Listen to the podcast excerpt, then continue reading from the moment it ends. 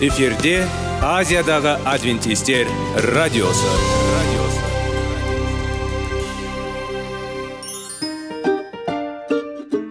Сәлем достар. Денсаулық өмір бұлағы және біздің бірінші байлығымыз демекші денсаулық сағаты рубрикасына қош келдіңіздер. Біздің рубрикада біз әртүрлі факторларменен мәліметтерменен кеңестерменен бөлісіп шын жүректен сіздердің дендеріңіз сау болғанын қалаймыз. Сол үшін біздің рубрикаға қош келдіңіздер. Дайындалып тұрыңыздар. Өйткені келесі минуттарда қызықты фактілерге ие боласыздар. Енді достар ең бірінші байлығымызды қолымызға алып алға кеттік.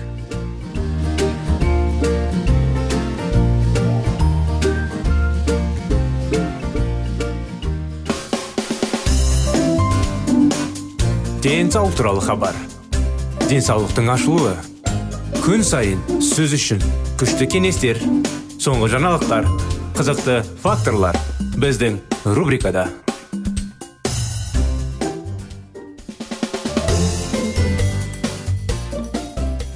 ояна салып өзіңді керемет сезінетін әрине дұрыс қалыпта болатындай күндіз бойы кей көптеген тірліктер әрекеттер істеген кезде қатты шаршамайтындай не істеу керек қандай тәсілдер қолдану керек өзің және бала шағың әрдайым денсаулығыңыз күшті болу үшін не істеу керек соның бәрі біздің денсаулық сағат бағдарламасында ассалаумағалейкум армысыздар құрметті радио тыңдаушыларымыз.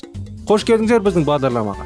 Мінекей сіздердің назарларыңызға қазіргі уақытта әрдайым пайдалы дұрыс әдеттер жайлы тақырыптарды талдап әрине соның бәрін ойластырып кеңестер аламыз. Сондықтан бүгінгі күнде қандай әдет? Уақытты жоспарлау әдеті уақытты жоспарлау әдеті денсаулыққа бүгінгі күнде қандай қатысы бар? Одан біз не табамыз? Ол денсаулық арқылы не істеуге болады.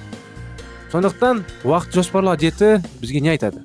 Әлемдегі ең тапшы және қымбат ресурстардың бірі ол уақыт. Сіздерге бір ұсыныс бар? Уақыт деген көркем фильм бар. Соны орысша айтқанда время дейді ғой. Сіздерге енді өте керемет көркем фильм деп айта алмаймын. Бірақ соны бір мүмкіншілік болса соны көріп өтіңіздер. Әрине ішінде ой пікірі жаңағыдай қылықтар. Уақыт жайлы кеңестер десе айтсақ болады бір бәрі толық деп кеңес көркем фильм деп айта алмаймын. Бірақ арасында үлгі алатын уақыт нәрселер бар. Өз өзімізді жоспарлайтындай. Ары қарай жалғастыра кетейік. Бұл әрдайым аз әсіресе оның пайдалану дұрыс емес. Көптеген адамдар күн ұшып ештеңе жасалмаған жағдайда тап болады. Рас қой. Азаннан кешке дейін ас тірлік істеген сияқтысың бірақ уақыт дем арасында зым өтіп өтеді. Егер солай болса онда сақ болыңыз. Бүгін біз өз уақытыңызды жоспарлауға қалай үйренуге болатынын білеміз. Неге біз өз уақытымызды жоспарлауымыз керек? Бұл не үшін маңызды? Күнделікті жоспарлаудың маңыздылығын бәрі түсінеді. Бірақ жоспарлай бастаған адамдар жеке уақытты бөлудің мұндай тәсілдік артықшылықтарын тез бағалай алады. Күнделікті жоспарлау бізді тәртіпке келтіруге көмектеседі. Жоспарлау арқасында біртіндеп ұқыптылық дамиды. Және қанша және қандай міндет қажет екенін нақты анықтауға қабілетті. Жоспарлау қабілеті сіздің өнімділігін арттырады және уақытыңызды ұтымды пайдалануға мүмкіндік береді. Сіз тезірек жұмыс істей аласыз. Осының арқасында сіз оларды қалағандай өткізу үшін неме үнемі бос күндер болады. Жоспарлау мақсаттарға қол жеткізуге ықпал етеді. Бұл туралы сіз өз өміріңізде табысты кез келген адам айтады. Айқын іс қимыл жоспары бар. Мақсатқа жету оңай және өте оңай. Уақытыңызды жоспарлағанда не болады? Әсері қандай? Алдын ала жоспарлаған жоспарға сәйкес қысқа мерзімді жақсы нәтиже алу оңайырақ. Жоспарлау бізге өз әлемімізді барынша іске асыруға мүмкіндік береді. Өйткені ол біздің энергиямызды бекер шаршатпай нақты арнаға бағыттайды. Әрбір адамның күнделікті қызметті сөзсіз стресспен байланысты. Стресс дененің және жүйке жүйесінің қалыпты жұмыс істеуін бұзады өнімділікті төмендетеді. Бірақ жоспар бойынша жұмыс стресс деңгейін айтарлықтай төмендеуге мүмкіндік береді. Егер біз өз уақытымызды жоспарламасақ не болады? Біз не күтіп отыр? Біз тапсырмаларды жиі орындауға уақыт жоқ. Өйткені олар тым көп немесе біз ақымақ бірақ біз өз уақытымызды барынша тиімді жоспарлауды білмейміз. Егер сіз үнемі кешікпесеңіз өз уәделеріңізді уақытында орындамасаңыз жұмыста үйінде жасасаңыз бастықтың тапсырмаларын орындауға үлгермесеңіз одан сіз ғана емес сонымен қатар айналаңыздағылар да зардап шегеді. Жарайды. Жақын туыстар мен достар. Олар түсініктікпен қарайды. Олардың шындадымдылығы шексіз емес болса да бірақ бастық мұндай қызметкерге қуанды. Сондықтан мақсаттық өсу туралы армандауға да болады. Не істеу керек? Қандай шаралар қолдануымыз керек? Күндізді жоспарлайық бастамас. Бұрын және күн ішінде өз тиімділігін artıрмас бұрын. Жаһандық ұзақ мерзімді жақсаттарға ие болу маңызды. Яғни біз қайда келгіміз келетін болу маңызды. Содан кейін тапсырмалар тапсырманы жеке қадамдарға бөлу керек. Жоспарлаудың тиімді әдістерінің бірі істер тізімі. Әр минут сайын барынша тиімді пайдаланыңыз. Нақты жоспарларды құрыңыз. Және бос уәделерді бермеңіз. Кейбір адамдар аз уақыт алады. Өйткені тым көп алады. Нәтижесінде орындаған істердің үйінділері алынады. Өз мүмкіндіктеріңізді нақты бағалаңыз. Міндетті түрде барлық тапсырмаларды олардың маңыздылығына қарай сұраппаңыз бірнеше кезекте орындауға талап ететіндер және кейінге қалдыруға болатындар. Бұл әдеттегі кіргенде сіз әлде қайда тиімді болатын тамаша дағдыға ие болсаңыз көріп отырғанымыздай күнделікті жоспарларды артықшылықта өте көп. Бірақ бүгін біз ең негізділерді ғана атап өттік. Өз уақытыңызды жоспарлаған қандай маңызды? Сіз жаққа кешікпейсіз жаңа айтқандай. Кешігіп жатсаңыз әрине кешігетін адам. Кешігіп жатып мен кешігіп бара жатырмын деп жиі ойлап өзін стресске ұшыратады. Өзін қобалжытады. Өзін көп жиі переживать етіп жаңағыдай қобалжытады. Соның бәрі мүмкіншілік бар. Дұрыс уақытты таңдап. Осындай керемет. Жоспарлау әдетінің қалыптастыра отырып сіз өміріңізде бір рет және мәңгілікке тәртіп орнатасыз. Ешқаққа кешікпей бәрін уақытылы істеп үй таза бәрін жоспарлаған кезде көптеген мысалы адамдар қалай ә, керемет жеңіске жетеді. Кейбіреулер өздерін мысалы ұялы телефонға смартфонға болмаса арнайы блокноттар арнайды. Күнделіктерін жоспарлайды күнделіктерін жоспарлап бәрін уақыт дегенде өз өзіңізді қобалжытпай басқаларды да подвать етпей бәрі керемет болады. Мұны істеуге тырысыңыз және сізде бәрі болады ол әрине мүмкін. Сізге сәттілік достар. Осымен бағдарламамыз аяғына келді. Келесі бағдарламаға дейін сау саламат болыңыздар.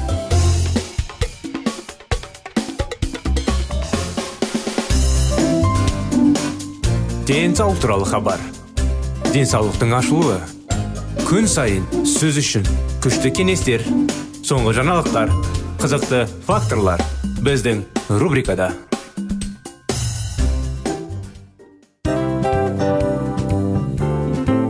Әуелі байлық денсаулық екінші байлық он саулық үшінші байлық ақ жаулық. Ал енді осындай радио парақшадан кейін не дейміз?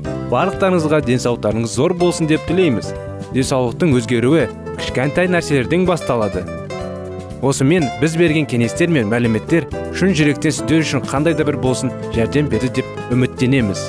Тыңдаушыларымызбен келесі радио парақшасына дейін қоштассамыз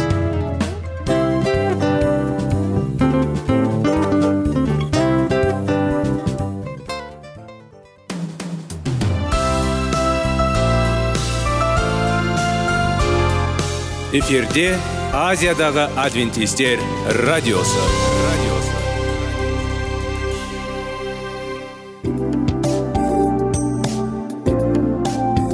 Сәлем достар. Барлықтарыңызға шын жүректен сөйлесек рубрикасына қош келдіңіздер деп айтпақшымыз. Шын жүректен сөйлесек бағдарламасы әртүрлі қызықты тақырыптарға арналған. Шындығында шын жүректен сөйлесек деген сөздің мағынасы екі достың екі адамның ортасындағы шын жүрекпен сөйлесуі бір біріне сенуі ашықтық пен шындықты білдіреді. Сол үшін біздің бағдарламалар әртүрлі қызықты тақырыптарға арналған. Дайындалыңыз жаңа қызықты мәліметтерге ие болуға. Ондай болса кеттік.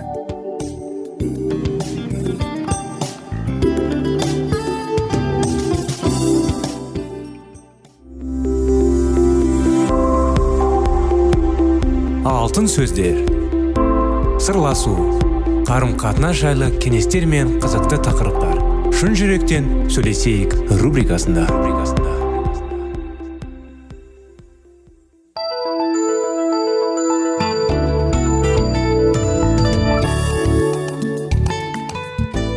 Ал мінекей армысыздар ассалаумағалейкум. Сәлеметсіздер ме құрметті достар құрметті біздің радио тыңдаушыларымыз?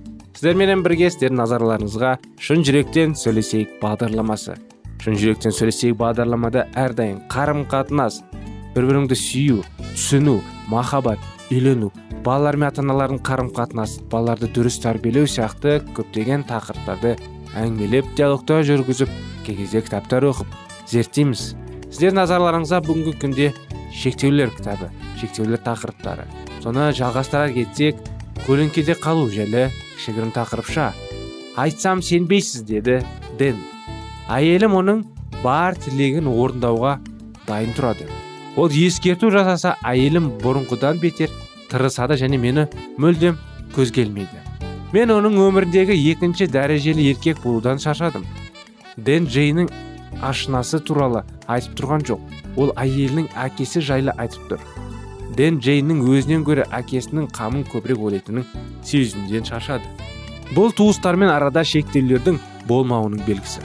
Бұл жерде оның жұбайы өзін олардың көлеңкесінде қалғандай сезінеді. Ол жұбайының өзіне емес әке шешесіне шын берілген кереді. Құдайдың жоспары бойынша адам әке шешесін тастап әйеліне берік қосылады. Сөйтіп екеуі тұтас болады дейді. Келі кітапта тастап деп аударылған еврей сөзі сондай ақ байланысты әлсірету қара үзу деп те аударылады. Некенің сәтті болу үшін жұбайдың ата анасымен байланысын азайтып өз отбасымен жаңа байланыстар орнату қажет.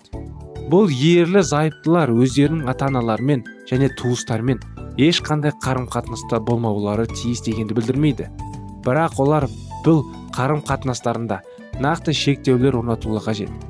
Көптеген ерлі зайыптылардың ажырасуларына дәл осы шекаралардың болмауы себепкер болады. Нәтижесінде жұбайы мен балалар бір шетте қалып қояды.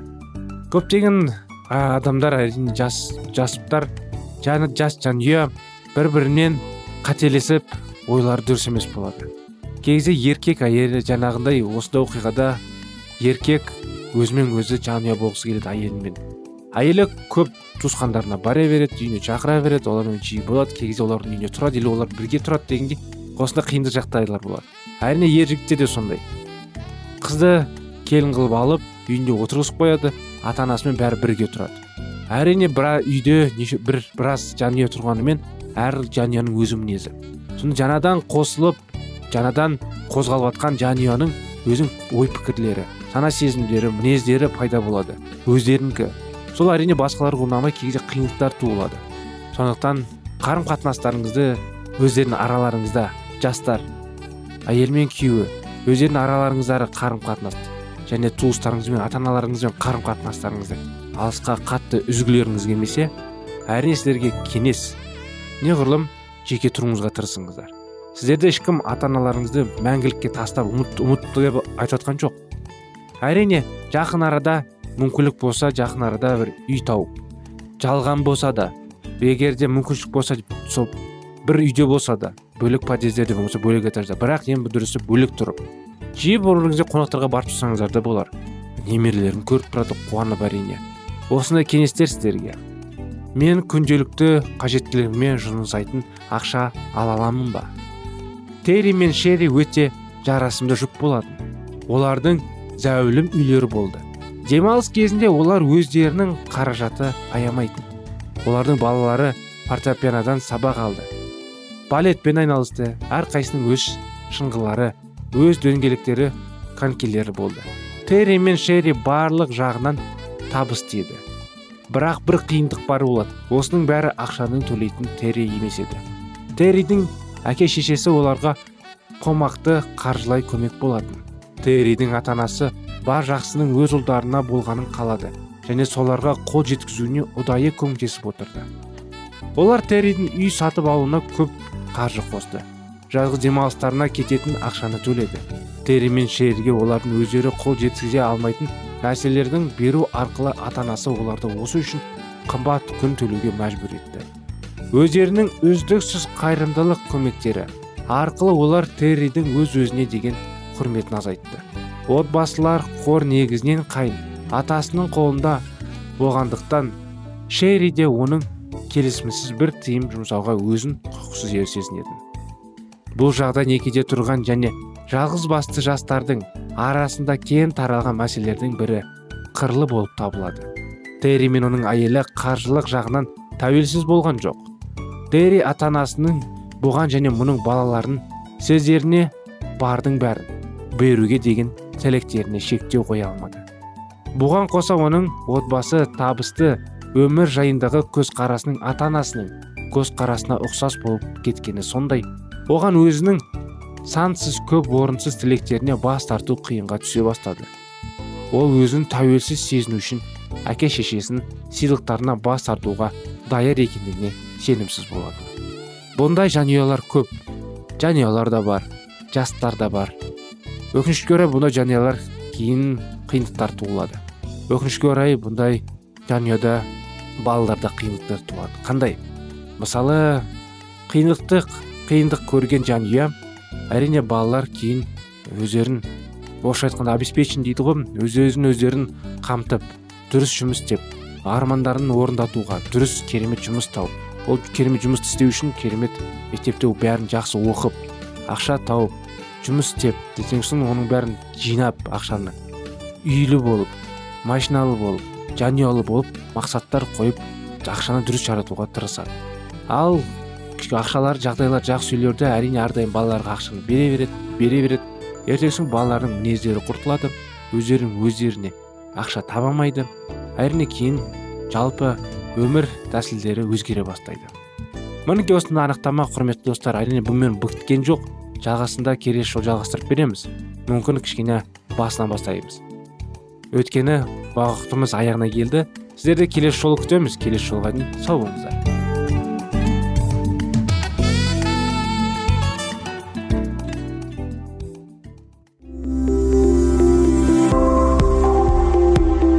Алтын сөздер. Сырласу. Қарым қатынас жайлы кеңестер мен қызықты тақырыптар. Шын жүректен сөйлесейік рубрикасында.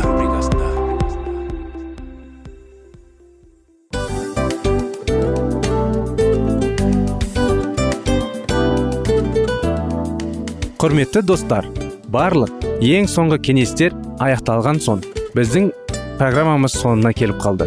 Осы біздің мәліметтер осы рубрикада айтылған әрбір сөздер сіздерге өзінің қандай да бір пайдасын алып келді деп шын жүректен сенеміз. Және бұдан да көптеген рубрикаларымыз бар. Басқа рубрикаларымызда біздің зерттеулерімізде сіздер үшін тағы да қызықты мәліметтер дайын. Біздің шын жүректен сөйлесейік парақшамызда көптеген әдістер ең соңғы кеңестер адамның нравственность жақтан моральдық жақтан тазалап байыта тұрған соңғы кеңестердің барлығын жанарады. сондықтан алдыңғы күндерде бізбен бірге болыңыздар. Өйткені барлық қызықтар алдыда.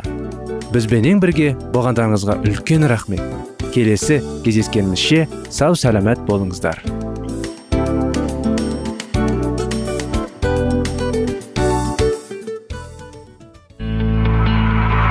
Жан дүниеңді байытқан жүрегіңді жаңғыртқан өмірдің мағынасын ойландырған рухани жаңғыру рубрикасы.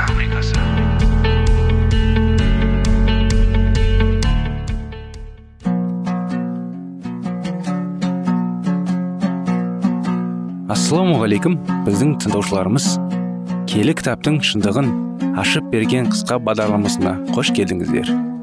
Барлығынан жоғары жаратушы біздің қарыңғылықта жалғыз қалдырып қойған емес. Өйткені ол келешекте не болу керек екенін киелі кітаптың парақтарында ашып береді. Немесе келіңіздер бізге қосылыңыздар. Жаратушы бізге нен ашып бергенін зерттейміз. Сәлеметсіздер ме? Біздің рухани бағдарламаға қош келдіңіздер дейміз. Құрметті біздің тыңдаушыларымыз құрметті біздің достарымыз. Бүгінде біздің бағдарламамызға жаңадан қосылып бірінші рет біздің бағдарламаны естіп тыңдап жатқан тыңдаушыларымыз болса сіздерге де сәлем жолдаймыз. Рухани жаңғыру бағдарламасында біз әрдайым рухани өсу жайлы рухани дәрежелер жайлы рухани көзқарас жайлы тақырыптар талдаймыз зерттейміз кітаптар оқимыз кеңестер аламыз әрине диалогтар жүргіземіз. Сондықтан достар біздің бағдарламада басқа жаққа ауысып кетпей әрдайым бізбен болып тұрыңыздар. Әрине біздің бағдарламаны жиі жиі бізге қосылып бізді тыңдап тұрыңыздар. Сонда қазір біз соңғы кездері зерттеп енді талдап бірге оқып жүрген кітабымыз жаратушыға апарар жол жайлы өткен тақырыпта біз ә, соңында кішкене еске қалай енді еске салып кетсек гүлдер жайлы құдайдың салыстырмалы мысалдары жайлы жаңағы бала жайлы мысалдар өткен едік та. Өйткені біздің рухани өміріміз енді біздің қалай енді? әлсіздігіміз құдайға құдайды талап еткеніміз кішкентай баламен гүл сияқты. Гүл мен кішкентай бала өзінен өзі өспейді дұрыс қой. Оны енді кішкентай баланың ата анасы гүлді енді құдай баланы ата анасы арқылы құдай енді қоректеніп өсіріп бағалап көмектесіп дегендей сондай жағдайларда біз де құдайда ниет етеміз құдайдан күш талап етеміз. Құдайдың қалай енді орысша айтқанда зависть етеміз да. Сондықтан енді кітабымызды ары қарай жалғастыра кетсек былай дейді. Құдай өзінің теңдесі жоқ сай рухани ұлын дүние әлеміне жібере отырып барша жерді ауа қабандығындай сияқты рахат береке ахуалына беріледі. Осы берекелі жағдайда өмір сүргісі келетіндердің баршасы иса мәсіхтің толық жасының шамасы дүниене дейін өсу тиіс. Күннің жарық сәулелі нұрына қарай ұмытылып таңғажайып әсемдік қалтқысыз кемел түрге енетін гүл сияқты аспанның жарығы бізге жарық түсіріп мінез құлықтарымызды иса мәсіхтің мінез құлығына тым көбірек ұқсай түсті. Үшін біздер де әділдік күніне қарай ұмытыла тазуымыз керек. Осындай тағылымды ойлар мәсіхтің мына төмендегіндей ойларыңды айқын аңғарыңдар аңғарылады. Менімен тығыз байланыста тұрыңдар. Сонда мен өздерімен тығыз байланыста тұрамын дейді иса мәсіх. Сабақ өздігінен емес тек бұтасымен байланыста тұрса ғана жеміс бере алады. Сол секілді сендер де менімен тығыз байланыста тұрмасаңдар рухани өнім бере алмайсыңдар дейді. Жоханның 15 бесінші тарауының төртінші аятында. Мен бұтамын ал сендер сабақтарымсыңдар. Менімен тығыз байланыстарымен өзім де тығыз байланыста тұрамын. Сонда олар өнім бермек. Ал менің бөлініп сендер ешбір игілік істей алмайсыңдар дейді жоханның 15-нің бесінде. Еліктіруге арбауға қарсы тұруға немесе берекелік киелік қалыппен өмір сүре отырып өзге сендердің күш қуаттарың жетіспейді. Онымен бірге болсаңдар толыққанды жарқын жүзі болып өмір сүріңдер. Өмірлік күш қуатты да одан алып отырсыңдар жеміссіз қалмайсыңдар. Жаған балаусалық кейіптермен қала берсіңдер. Сендер бастау бұлақтың бас жағына отырғызылған сая ағаш сияқты боласыңдар. Көптеген адамдар күнәлары кешірілі кезінде ғана иса мәсіхтің көмегіне сүйініп қалаған уақытта өз күшімен өз бетімен өмір сүруді қалайды. Бірақ олардың бұл талаптыстарын сәтті болмауда. Иса мінез сендер еш нәрседе істей алмайсыңдар деген болатын. Біздің берекелі өмір жағдайында есейе түсуіміз біздің қуаныштарымыз біздің берекелі өмір жағдайында біздің қуаныштарымыз пайдаланғанымыз осының бәрі. Мәсіхпен бірге болуымызға байланысты. Онымен саған сайын күн сайын тірексімге келіп субхатсу арқылы бірге болғанда ғана біз берекелік жағдайында өсе аламыз. Ол біздің сеніміздің бастауы ғана емес сонымен қатар аяғы да. Мәсіх бірінші және ең соңғы мәңгі өмір сүруші. Мәңгілік ақиқат. Оның біздің өмірлік жолымыздағы басында немесе аяғында ғана бізбен бірге болып қоймай әрқашанда бізбен бірге болғаны игі. Дәуіт пайғамбар былай дейді. Дәуіт патша кешірім сұраймын. Ықылас ниетім әрдайым емде он жағымда маған жар болып келеді. Жағдайым шайқалмайды ешбір кезде дейді. Забыр жырлары 15-тің сегізінде. Сендер мәсіхпен бірге қалай тығыз байланыста боламын деп сұрайсыңдар. Басында оны қалай қабылдасаң солайша бірге боласыңдар. Еміс иса мәсіхті қалай қабылдаған болсаңдар солай онымен тығыз байланыста жүріңдер. Қоластықтарға арналған хаттың екінші тарауының алтыншы аятында. Әділ адамның маған сенім шынайы өмір сүреді. Еврейлерге арналған хаттың онның отыз сегізі. Сендер құдайдың қарамағында болып құлшылық ету үшін оған бір жола бет бұрып берілдіңдер. Сендер өз жүректерінде иса мәсіхті өздерінің құтқарушыларын ретінде қабылдадыңдар. Сендер өздерінің еңбектеріңмен күнәларыңды ақтай алмайсыңдар немесе жүректеріңді де өзгерте алмайсыңдар. Ал құдайға мойын ұсынып сене отырып оның сендер үшін бәрін жасағанына да сенім келтірдіңдер сендер сенім арқылы мәсіхке тиесілсіңдер ендеше сендер мәсіхтің қабылдай және бере отырып сенім жүзінде онымен тығыз байланысты бірге өсулерің керек. Оның барлық талаптары мен еркін орындау үшін оған өз жүрегіңді еркінді қызметіңді өзіңді түгелдей арнауыңды керек.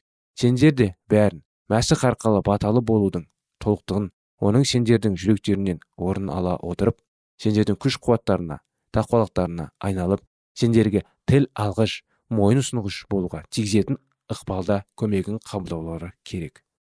Күнделікті таң атасымен өзіңді құдайға арна. Бұл сенің осы күнгі алғашқы ісің болсын. Былай деп сыйыныңдар құдай ием мені өзіне ала көр мен түгелдей өзінің билігіндемін. Мен өзімнің бүгінгі күнгі барлық жоспарларымды өзінің аяғына алдына қоямын. Бүгін мен өз қызметінде пайдалана көр менің барлық еңбектерім өзің арқылы іске асу үшін менімен бірге бола көр күнделікті осылай сина отырып құдайға өзіңді арнауың керек. Әр кез оған келесі күнгі арқымақ болған істерің жайлы баяндаңдар. Мінекей достар біз өзімізден өзіміз ештеңке істей алмағандықтан құдай жаңағы кітап жарине жаңағы бұтақтар жүзімнің бұтақтарымен салыстырып отыр. Өзімізден өзіміз бұтақсыз енді жапырақтар енді жеміс жүзім өзінен өзі жеміс бере алмайды иә? Сол сияқты біз де құдайсыз өзімізден өзіміз жеміс бере алмаймыз. Сондықтан біз өзімізді құдайға бағыштап жаңағы құдайдан көмек сұрап сүйінуіміз керек екен. Жалғасы келесі жолы болады. Өкінішке орай бағдарламамыз аяғына келді достар. Бізбен болғандарыңызға рахмет. Келесі жолға дейін сау саламатты болыңыздар.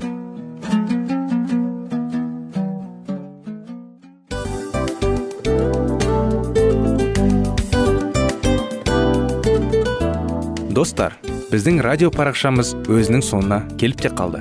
Демек бұл программамыздың қорытындысын айта кету керек. Негізі істің басталып жатқаның қуанту керек пе? Әлде оның қорытындысы қуанту керек пе? Сіздер қалай ойлайсыздар? Меніңше қорытындысы деп ойлаймын. Себебі жасаған ісінің жемісін көріп қорытынды арқылы бағалап жүрегін қуантады. Баяғыда айтқандай бидайды сепкенде емес бидайдың жемісін жинаған кейін ыстық нанды жегенде кәдімгідей рахаттанасың ғой. Осымен біздің бағдарламамыздың аяғында тыңдаушыларымыз қандай пайда алды екен деген ойдамыз. Егерде өткен сфераларда пайдалы кеңес алған болсаңыз біз өзіміздің мақсатымызға жеткеніміз. Бүгінгі 24 сағаттың алтындай жарты сағатын бізге бөліп ардағаныңыз үшін рахмет. Келесі кездескенімізше қош сау болыңыздар. Достар біздің бағдарлама бойынша сұрақтарыңыз болса әрине сіздерге керекті анықтама керек болса біздің whatsapp нөмірімізге хабарлассаңыздар болады. Плюс бір үш жүз бір жеті жүз алпыс алпыс жетпіс. Иә достар сіздер қателеспедіңіздер бұл біздің номерлерге ұқсас болмаса да бұл whatsapp номер арнайы. Хабарласыңыздар сұрақтарыңызды қойып тұрыңыздар. Анықтаманы алып тұрыңыздар. Плюс бір үш жүз бір жеті жүз алпыс алпыс жетпіс whatsapp номері.